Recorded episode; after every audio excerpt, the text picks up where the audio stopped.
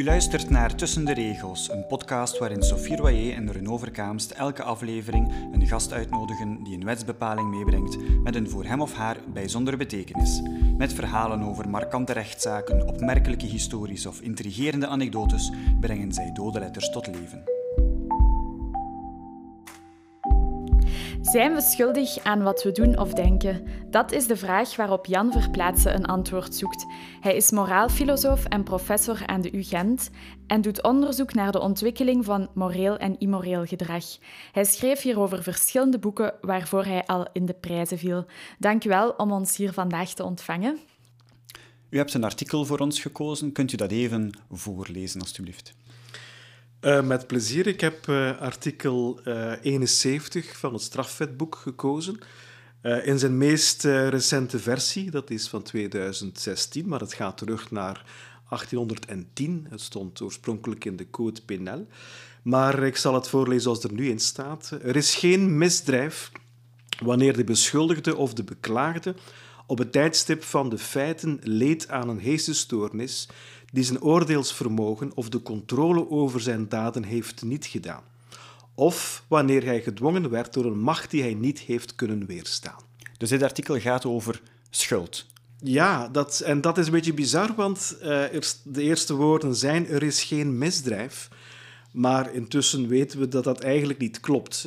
Uh, het is geen artikel dat, uh, de, dat het misdrijf rechtvaardigt, waardoor het geen misdrijf meer zou zijn.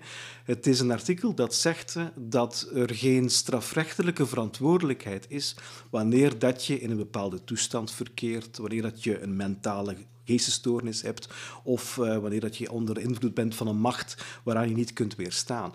Dus het maakt uitdrukkelijk dat wij in België, maar in de meeste westerse landen, met een schuldstrafrecht zitten. Je hebt niet alleen uh, het misdrijf, je hebt niet alleen de materiële schuld, wat je zou kunnen zeggen, maar je hebt daarnaast ook zoiets als de morele schuld. Je moet er kunnen aan doen.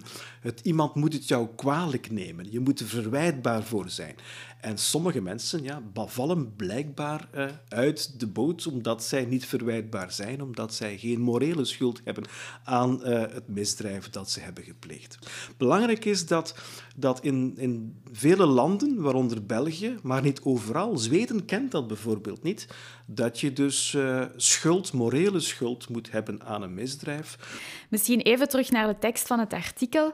Daar staat wie dus leidt aan een geestesstoornis of uh, wie gedwongen werd door een macht. Dat zijn dan de twee schulduitsluitingsgronden. Kan u daar ook wat meer over vertellen? Laat mij een klassiek voorbeeld geven. Een, uh, een meisje dat haar hele jeugd uh, mishandeld is, seksueel misbruikt is, fysiek is mishandeld, psychische terreur door haar stiefvader. En een bepaald ogenblik, ze is dat wel meerderjarige, is ze dat echt wel beu. Er komt zo'n genoeg is genoeg moment uh, en ze neemt een mes, een keukenmes, en probeert de stiefvader dood te steken. Wel, wellicht zal men zeggen van die persoon die is ergens uh, door dat misbruik verleden echt geduwd in de richting van maar één optie die men nog over heeft. Het is heel begrijpelijk dat deze persoon uh, uiteindelijk zal proberen op, door middel van een moord, door middel van een doodslag probeert om uit die penibele situatie terecht te komen. En dan spreekt men echt wel over overmacht of onweerstaanbare dwang. Waarom... Uh hebt u dit artikel voor ons uitgekozen? Ik heb dit artikel gekozen omdat ik uh, denk dat dit het artikel uh, ons strafwet of strafwetspecialisten heel kwetsbaar maakt. Het is een artikel waarbij dat men afhankelijk wordt van niet-juristen, van mensen die voor het meeste van de tijd niks met recht hebben te maken. Als je kijkt naar die notie van geestesstoornis, ja, daar heb je geen jurist voor om dat te bepalen. Je moet dat vragen aan gedragswetenschappers, je moet dat vragen aan psychiaters, psychologen, om uit te maken of dat een persoon lijdt aan een geestesstoornis en of dat die geestesstoornis impact had. En het moet ook volledige impact hebben op uh, het misdrijf dat is gepleegd. Anderzijds, eh, en ik hoop zeker ook naar dat punt te komen, eh, wat dan die gedwongen macht betreft waaraan je niet kunt weerstaan, denk ik ook dat uh, het recht afhankelijk wordt van filosofie. Je kunt je afvragen, wat wordt daarmee bedoeld? Met overmacht, wat wordt ermee bedoeld? Met uh, gedwongen zijn door een bepaalde macht? En ook misschien de vraag van, geldt dat niet voor iedereen? Hè? Wanneer zou blijken dat wij allemaal mensen zijn die onder invloed staan van oorzaken? Alles wat wij doen, alles wat wij beslissen, alles wat wij uitvoeren, is het gevolg van oorzaken? Dan kun je ook je afvragen van, hebben wel mensen een andere keuze? En dan komen we in heel het filosofische debat over het bestaan van de vrije wil. En dan bij deze is natuurlijk ook het recht bijzonder afhankelijk van een filosofische discussie die gevoerd wordt, nog altijd vandaag de dag. En ehm, waarbij dat bepaalde standpunten op filosofisch vlak natuurlijk ook zijn gevolgen zullen hebben wat interpretatie betreft van het artikel 71. En laat ons nu net vandaag op bezoek zijn bij een filosoof die misschien wel een antwoord kan bieden op de vraag: is er ruimte voor vrije wil um, voor de strafrechtbank? Mijn oordeel is nee. Uh, wat met zich meebrengt dat ik vind dat, heel cru gezegd, elke dader zich kan beroepen op artikel 71 en bijgevolg ook op basis van dit artikel de vrijspraak verdient. Als je opnieuw kijkt naar dat tweede deel, hè, uh, dat er geen misdrijf is fout, dat er geen schuld is, is juist wanneer dat iemand gedwongen wordt door een macht die hij niet heeft kunnen weerstaan. Wel, als je die macht wat breder neemt en gewoon gelijkstelt aan al de oorzaken hè, die maken dat ik iets vertel, dat jullie iets zullen vertellen, dat ik een bepaalde beslissing neem, een goede of een verkeerde, wel, als je het zo gaat interpreteren, dat tweede deel van artikel 71, dan geldt dit voor ons allemaal. Hè. En over welke oorzaken hebt u het dan precies? Oh, dat, heel, dat zijn heel uiteenlopende. Dat gaat van heel, uh, heel biologische, genetische oorzaken. We worden allemaal uh, geboren met een bepaalde genetica. We worden allemaal uh, in een bepaald gezin geboren waar dat bepaalde invloeden, culturele invloeden spelen. we maken contact met goede en slechte vrienden. Kortom, dat is een, een heel amalgaam van oorzaken maar als je aanneemt, en met een technisch begrip noemt men dat determinisme, als men aanneemt dat we allemaal gedetermineerd zijn op een of andere manier door uh, allerlei invloeden, oorzaken die op ons, ons inwerken, en we hebben niet een soort van apparaatje die daarboven staat en kan zeggen van oei, deze oorzaken die ga ik op afstand gaan houden, dan kun je denk ik wel een vrij sterke casus maken dat we allemaal onderhevig zijn aan overmacht. En wat moet die advocaat dan antwoorden als de procureur recht staat en op die vraag met een nieuwe vraag antwoordt en zegt van ik heb misschien wel begrip voor uw moeilijke jeugd. Weet u, pleit dat straks als het over de straf gaat. Maar op het ogenblik dat u de trekker overhaalt, maakt u een beslissing. Op dat ogenblik hebt u de mogelijkheid om wel of niet die persoon te doden, te kwetsen, te vernederen. En u hebt de foute beslissing genomen en u moet nu de consequentie daarvan dragen. Ik ben het met veel eens wat, wat jij zegt. Je hebt een foute beslissing gemaakt, je moet de consequenties dragen. Ben ik het allemaal in, mee eens. Ik ben niet voor een, eh, een, laissez-faire, laissez-passer houding, uh, alles blauw-blauw te gaan laten. Je moet dat soort van mensen die de trekker hebben overgehaald op een zeer bewuste, opzettelijke manier, moet je natuurlijk ook gaan aanpakken. Maar je hebt iets gezegd waar ik aan twijfel, namelijk dat je de mogelijkheid had om die trekker niet over te halen. Ik heb daar problemen mee vanuit een, een wetenschappelijk uh, mens- en wereldbeeld. Stel ik mij de vraag hoe dat, dat mogelijk is. Hoe zijn mensen in staat, als ze iets doen, ook om dat niet gedaan te hebben? Daar moet je mij eens een antwoord op geven. Mochten we uh, een soort van hersenscan kunnen maken van wat er allemaal door jouw hoofd gaat op het ogenblik dat jij overweegt om dat schot te lossen en het vervolgens ook doet, dan denk ik, mocht je dat ragfijn gaan analyseren, dat je alleen maar kunt vaststellen, deze persoon kon niet anders. Je kunt natuurlijk, ik, ik kon misschien een seconde ervoor de mogelijkheid gehad hebben om het niet te doen. Ik kon misschien ook een seconde later de mogelijkheid hebben gehad om het niet te doen. Maar op dat ogenblik was zijn brein, was zijn existentie op zo'n manier geprogrammeerd dat hij het heeft gedaan. Je hebt daar geen ultieme controle over. U laat ons strafrecht, dat volledig is opgebouwd rond de notie schuld, wel op zijn grondvesten daveren. Wat is dan volgens u het alternatief? Het alternatief is een, uh, een soort straffeloos strafrecht. Het klinkt uh, bijzonder uh, eigenaardig, maar ik geloof ultiem dat we daar naar toe moeten. Ik denk zelfs, en dat is ook een opvatting die ik heb, dat straffen heel moeilijk is te legitimeren. Natuurlijk, je kunt altijd zeggen van mensen zitten zo in elkaar. Ze zullen de behoefte blijven hebben om te verwijten, om te straffen, uh, om mensen dingen kwalijk te blijven nemen. Dat is misschien psychologisch allemaal juist, maar ik ben natuurlijk een filosoof. Ik moet me afvragen, is daar een bepaald fundament voor? En ik denk dat dat fundament er niet is. De vraag is natuurlijk, wat is het alternatief?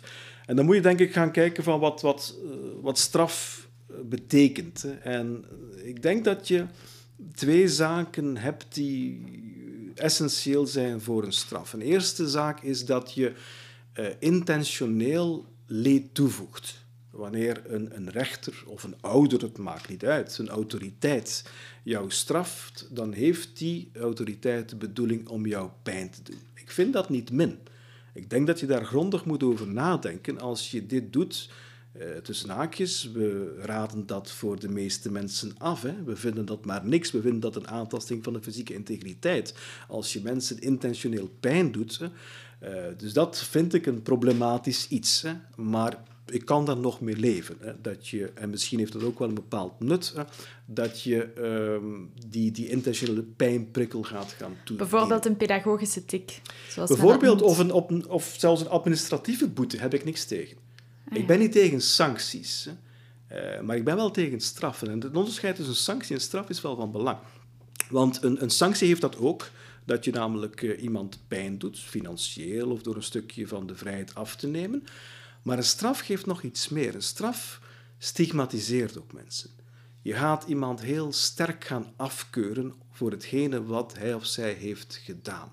Je gaat echt een bijzonder sterke afkeuring gaan uitspreken over een persoon en over bepaalde daden. En ik denk om, om die sterke notie van straffen te hebben, dat je wel degelijk zoiets nodig hebt als schuld. En omdat schuld, eh, denk ik, illusoir is, een inbeelding is, denk ik dat je ultiem die, uh, die straffen, die echte punitieve sancties, uh, niet kunt rechtvaardigen. En u bekijkt het voornamelijk vanuit het perspectief van de betrokkenen die voor de rechter komt en die dus het voorwerp zal uitmaken van die straf of die bekeuring.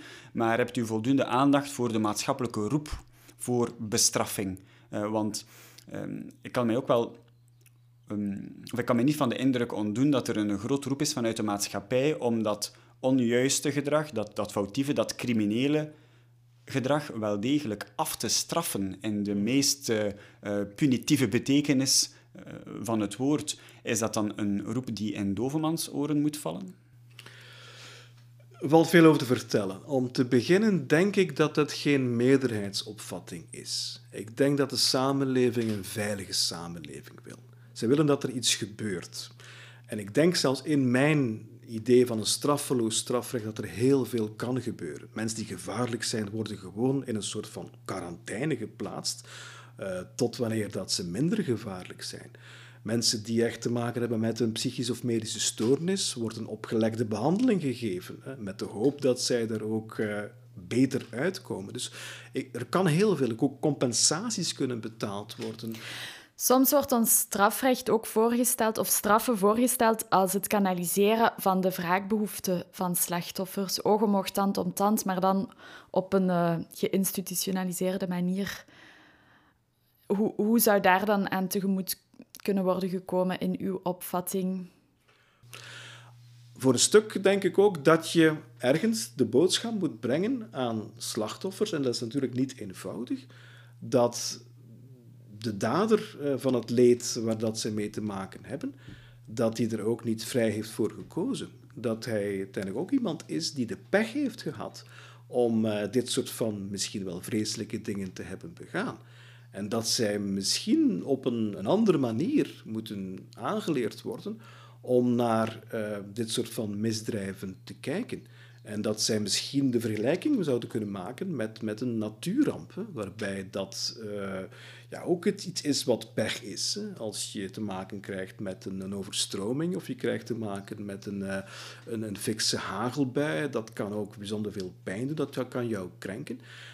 Wel een ander idee als je dan toch uh, uh, misdrijven vergelijkt met, met pech. Het is jou uh, heel toevallig overkomen. Die persoon die het heeft gedaan kan er ook niks aan doen. En als je het vergelijkt met, uh, met natuurrampen of met klimaatrampen die eraan komen, is het idee van een misdaadverzekering dat, dat iedereen niet alleen een familiale verzekering heeft, maar ook, een maar ook een misdaadverzekering neemt voor het geval dat hij een carjacking meemaakt of op straat wordt overvallen. En uh, op die manier kan gecompenseerd worden voor het uh, leed dat men uh, heeft ervaren. Dat bestaat al voor bepaalde vormen van criminaliteit. Ik denk dan bijvoorbeeld aan een verzekering die je bedrijf beschermt tegen een hacking. Ik zie niet onmiddellijk een groot verschil. De afstand is natuurlijk wel groter. Dus het heeft met het internet te maken. Iedereen is ver weg. het gaat over hackers die in, in China of in uh, Rusland zitten. Maar wat is het fundamentele verschil tussen een carjacker die jou op een zondagochtend overvalt in Brussel en een, uh, een, een, het hacked worden door een, een Russisch crimineel die zich natuurlijk ergens diep in, in Moskou bevindt. ik zie daar niet echt een groot verschil tussen. En ja, het is dan een kwestie van, van een, op een andere manier naar dit soort van ja, vervelende dingen te kijken. En ik denk heel de filosofie waar ik voor sta, is, is een poging om, om op een andere manier om te gaan met zaken die we niet zo plezant vinden. Moeten we er altijd onze kwaadheid voor gebruiken? Waarom kunnen we onze nieuwsgierigheid of onze creativiteit niet aanwenden om op een uh, meer constructieve manier met natuurlijk heel vervelende gevoelens van, van leed en van, van pijn om te gaan? Als u nu zelf wetgever zou zijn, wat zou u veranderen in artikel 71 van het strafwetboek? Mijn ideaal is dat het gewoon op de schop gaat. Hè. Uh, dat we dit gewoon uh, verlaten, want dit artikel zegt dat je schuld nodig hebt om uh, iemand te mogen bestraffen. Ik denk niet dat dat hoeft. En ik geloof zelfs niet in straf, dus die tussenstap moet voor mij ook helemaal niet. Maar ik ben natuurlijk ook wel realistisch. En ik besef ook wel dat dit geen zaak is die je op één generatie of zelfs twee generaties kunt gaan winnen. Het is een ideengoed dat, uh, dat heel langzaam mm, zeg maar, kan binnencijpelen in grote delen van de samenleving. Maar een stap vooruit zou denk ik al zijn dat je voor een stukje meer in gradaties gaat gaan nadenken. Nu is het echt een zwart-wit verhaal. Je bent toerekeningsvatbaar of je bent dat helemaal niet. En twee, ik denk dat je veel beter gaat gaan kijken naar de, de maatregelen, de sancties, de straffen die je kunt nemen. En momenteel is er wel een interessant debat bezig over die opgelegde behandeling. Uh, voor mensen die lijden aan een medische of een uh, psychische stoornis, die dan zouden verplicht worden om een bepaald behandelingstraject te gaan volgen. Als je weet of beseft hoeveel delinquenten niet te kampen hebben met een of andere stoornis, ja, dan wordt dit wel een, een, een traject dat door heel veel delinquenten uh, een, een, een, mogelijkheid zou zijn, dat we zouden kunnen bewandelen. Uh, en dan haal je natuurlijk uh, voor een stuk haal je dan heel die idee van schuld. Want dan heb je ook geen schuld meer nodig. Je gaat gewoon kijken van wat, was, wat is de mentale toestand van de delinquent. Geeft iets te maken met het delict. En je probeert er als samenleving door middel van een behandeling die kan aanslaan, die succesvol kan zijn, probeer er ook iets aan te doen. En geeft de jurist dan de beslissingsmacht uit handen aan, aan de dokter en wordt het dan een, een puur medisch verhaal? Nee, dat, dat denk ik uh, heb je met een... Je zult een, een soort van multidisciplinair team nodig hebben dat nog altijd wordt voorgezeten door een rechter. Ik denk dat uh, heel belangrijk is dat de mensenrechten van de, uh, van de, de verdachte natuurlijk worden bewaakt. En is het geen illusie of een, of een dwaalspoor om in die gedachte mee te gaan en te eindigen op een soort ja, medisch etiket dat we op elk gedrag kunnen kleven? Want iedereen zal dan finaal een soort ziekte kunnen inroepen om te zeggen, ja, ik ben niet schuldig. Ja, maar het is niet omdat je spreekt over opgelegde behandeling dat het altijd een medische behandeling zal zijn. Uh, je spreekt natuurlijk wel over een, een, therapie, over een behandeling, maar misschien kan het ook een soort van sociale therapie zijn, een meer psychologisch georiënteerde therapie. Dus je moet niet onmiddellijk gaan denken van uh, we zijn op zoek naar het pilletje of op zoek naar de, de, de medicinale behandeling om een, uh, een dader te gaan helpen. Het kan ook gaan over een soort begeleiding van een persoon. Over bij seksuele misdrijven een opgelegde behandeling, zelfs als die persoon bijvoorbeeld denkt niet ziek te zijn of stevast gelooft geen enkel probleem te hebben? Dat zal niet werken. Je hebt altijd je hebt de patiëntenwetgeving die zegt van dat je natuurlijk geen mensen onder dwang eh, mag gaan behandelen. Dus je kunt wel een, een opgelegde behandeling kun je wel, wel opleggen in die zin dat je zegt van we bieden jou een setting eh, waarin dat je dan allerlei therapieën kunt gaan volgen. Maar als, als die delinquent uh, zegt van ik wil deze therapie niet, ja, dan heeft die persoon natuurlijk het volste recht om daar niet in mee te stappen. Dat heeft ook geen enkele zin natuurlijk om iemand uh, bij een manu militari uh, zeg maar een injectie te gaan geven of chemisch te gaan castreren. dat werkt ook gewoon niet en is ook in strijd manifest met heel basale mensenrechten. Maar je kunt wel, denk ik, een setting aanbieden en zeggen van kijk, dit is een mogelijkheid die we jou bieden, die we jou opleggen. Doe je dat niet, oké, ook geen probleem. Dan ga je maar voor de straf. Hè. Maar we bieden wel een soort van, van, van piste aan, een soort van, van, van therapeutische piste, waarbij dat het onze ambitie is om uh, jouw problemen aan te pakken, waarvan wij van oordeel zijn dat zij uh, de oorzaak zijn van jouw delinquent gedrag. En dat kan zeker een oplossing zijn voor uh, drugverslaafden, alcoholverslaafden, mensen die met een seksverslaving of zo zitten. Uh, dus dat kan zeker een, een oplossing zijn voor, uh, voor heel wat uh, delinquenten in onze samenleving, die ja, precies omwille van deze afwijking, deze stoornis, op het verkeerde pad zijn terechtgekomen. Zijn we schuldig aan wat we doen of denken? Niet volgens professor Verplaatsen. We hebben vandaag geleerd dat we niet per se straffen nodig hebben om onze samenleving veiliger te maken. Dank u wel, professor, om ons een inkijk te geven in uw filosofische inzichten over straf en schuld. Graag gedaan. Deze podcast kwam tot stand met dank aan advocatenkantoor Livorno en het Center for IT en IP Law van de KU Leuven.